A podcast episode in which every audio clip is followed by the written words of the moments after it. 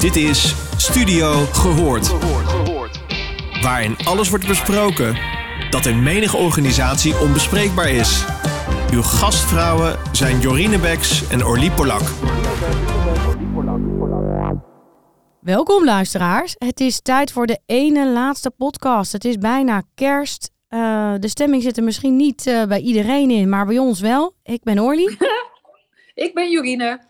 En uh, wij gaan terugblikken op een bijzonder jaar. En ehm, ik blik terug op, ja, op een jaar waar ik ja, heel veel dankbaarheid heb en respect heb voor mijn medewerkers, voor mijn klanten. Um, het was de ene keer was het, konden we een sessie doen offline, konden lekker bij elkaar zijn. En dan was het binnen 24 uur moest het toch naar online. En hoeveel mensen in staat zijn om binnen zo'n hele korte tijd een mega groot event. Ik heb het dan over Eneco en UWV. Van een fysieke bijeenkomst in een hotel met alles erop en eraan. Naar een online uitzending weten te krijgen in een studio met uh, allerlei breakout rooms en allerlei uh, keynote sprekers. Jorine, jij was er uh, een van de keynotes dit jaar. Ja. Ze hebben we elkaar eigenlijk leren kennen via dat ja. social event. En um, wat ik ook heel bijzonder vind en waar ik dankbaar voor ben, is dat we, ondanks dat we thuis zaten met gillende kinderen of onrustige buren in de verbouwing, dat we allemaal toch in staat bleken zijn om weer de verbinding met elkaar te zoeken. En in mijn geval begon het in lockdowns met elke dag om negen uur even een kopje koffie. Samenwerken met de camera even aan. Uh, heel veel contact zoeken uh, met je klanten via WhatsApp en via videobellen. Um, dus ik, ik kijk terug op een jaar dat ik denk, wat hebben we toch een veerkracht. Wat bijzonder dat we zo knap en zo snel ons kunnen aanpassen aan elke keer het nieuwe normaal. En Jorine, ik ben heel benieuwd hoe jij terugkijkt op toch wel een raar corona op en af jaar?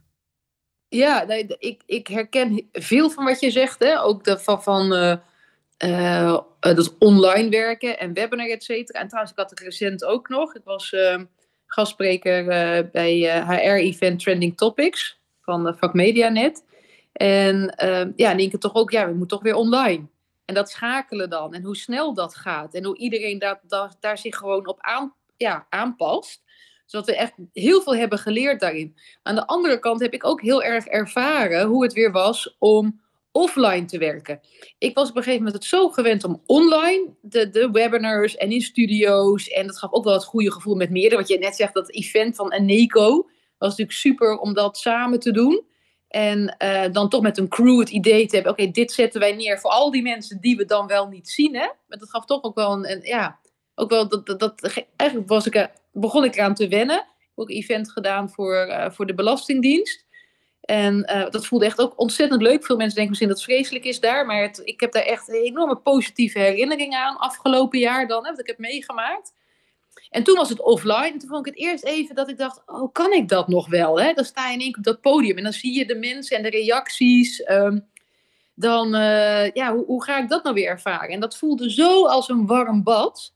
En dat gaf zoveel energie. En ik merkte ook, um, uh, een van de eerste live events was met de managers van het RIVM, notabene, 130 man.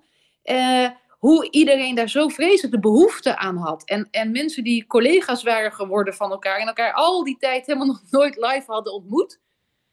En, en dan weer terug naar online. En ik heb het idee ik had afgelopen week ook nog weer een masterclass. Ook weer dus online gemaakt voor, uh, voor de Rabobank. En daar, uh, daar liep het toch eigenlijk best wel soepel, die verbinding. Dus het lijkt er voor mij Wat heb ik nou geleerd, denk ik, en wat ik meeneem naar volgend jaar, is dat online kan, als er tussendoor offline is voor even dat samengevoel hebben.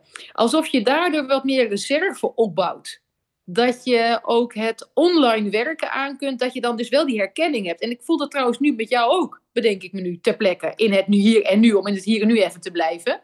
Van weet je, dit voelt voor mij ook, weet je, we zien elkaar. Ik bel natuurlijk gewoon uh, nou, via de telefoon. En omdat we elkaar tussendoor ook live zien, voelt dit ook anders. Dus dat is uh, qua ja en voor de rest natuurlijk ook enorm dankbaar voor opdrachtgevers, hoe die ook hebben meegedacht. Uh, eh, de, de medewerkers, hoe ze zich inzetten. Het thema, natuurlijk enorm dankbaar ook voor hoe het thema psychologische veiligheid is omarmd. En uh, dan bedoel ik het niet dankbaar voor mij, dat ik denk dat is ook leuk. Maar met name voor al die medewerkers. Dat het er mag zijn en dat die ander mag zijn. En dan ligt we juist wel door die rare tijd. Dat daardoor ook die urgentie nog veel duidelijker is geworden. Uh, wat mij is opgevallen is de enorme openheid die mensen zijn gaan tonen. Is dat je ziet eigenlijk ja. twee soorten gedragingen. Als ik de Albert Heijn inloop, dan zijn mensen heel schichtig en dan heel snel pakken ze hun spullen bij elkaar en willen zo min mogelijk contact. Hè. De afstand wordt enorm bewaard. Je ziet dat gedrag ook in, uh, in liften of bij uh, de, de rij bij de koffie. En aan de andere kant zie je dat mensen enorme behoefte hebben om uh, zich open te stellen, om connectie te maken met de ander. Ja. Dus de gesprekken zijn veel intenser geworden, vind ik, online. Dus als ik in sessies zit, dan uh, zijn mensen heel open over het bespreken van, nou ja, ik vind eigenlijk dit heel gevaarlijk en ik zie dat die en die een andere beslissing neemt en dit lijkt mij geen goed idee. Dat is in een groep van 20 man of een groep van 15 man dat je denkt, ja. dat vind ik dapper. Maar ik heb ook klanten die spontaan even bellen en even bijpraten. En eigenlijk heel eerlijk zijn en open zijn in hoe hun bedrijfsvoering eruit ziet, tegen welke dilemma's ze aanlopen en hoe ze dat zouden willen adresseren.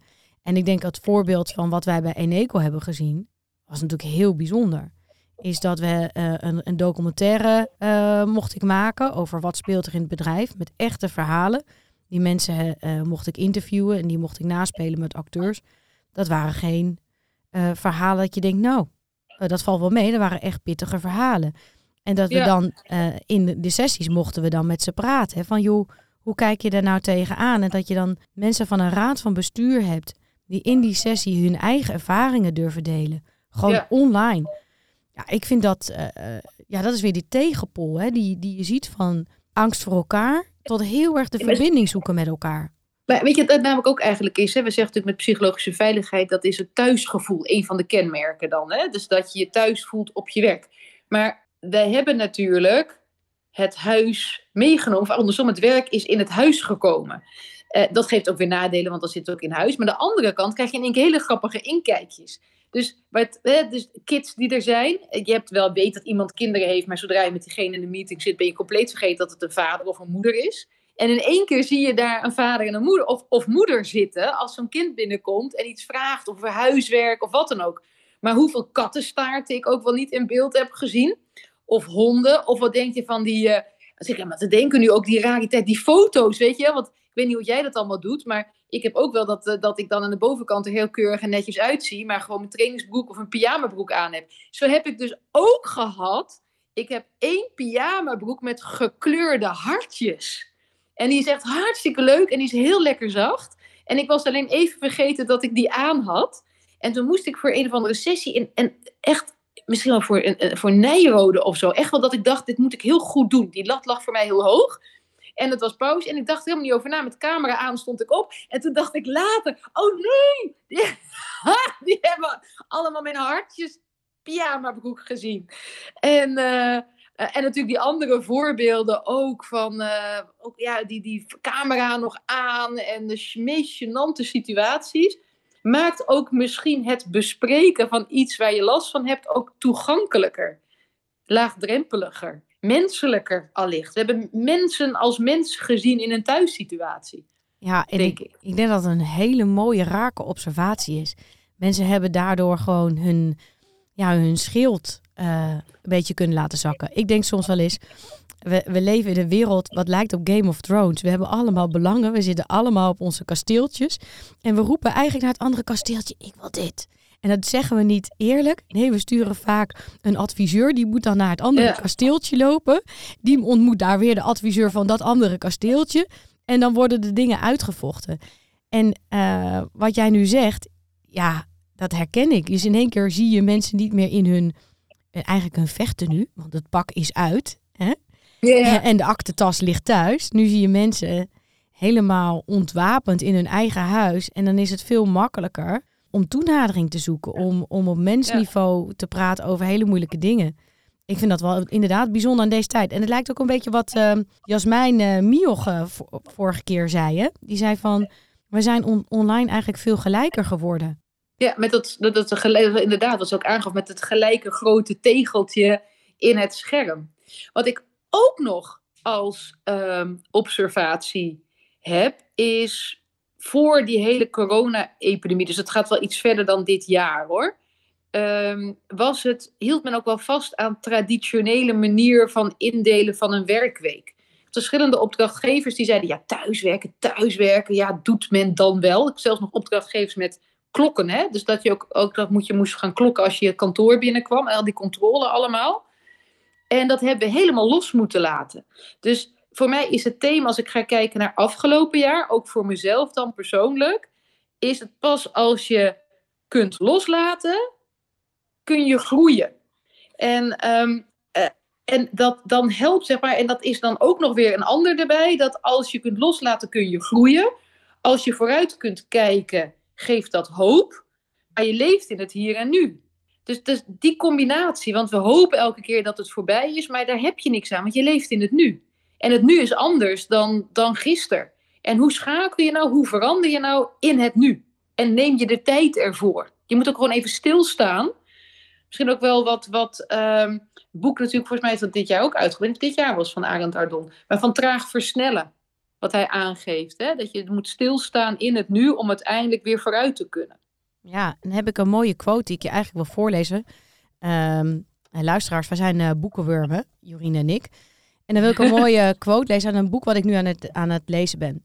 In een dialoog ontstaat vrije ruimte voor de deelnemers om te zeggen, denken, voelen en doen wat opkomt. Dit betekent dat gezegd kan worden wat gezegd moet worden, hoe moeilijk dit soms ook is. En dit is geschreven door uh, Rens van Loon en zijn boek heet uh, Dialogisch Leiderschap. Als het ik wijkt. Wat ik heel bijzonder vind, uh, is, uh, dat weten luisteraars misschien niet, is ik heb argumentatietheorie gestudeerd. Dus ik ben opgeleid in het voeren van het debat en logisch redeneren. En dit jaar stond bij mij eigenlijk in het teken van de dialoog. En hoe anders een dialoog is van een debat. En, ja. en, en hoe belangrijk stilte is in die dialoog?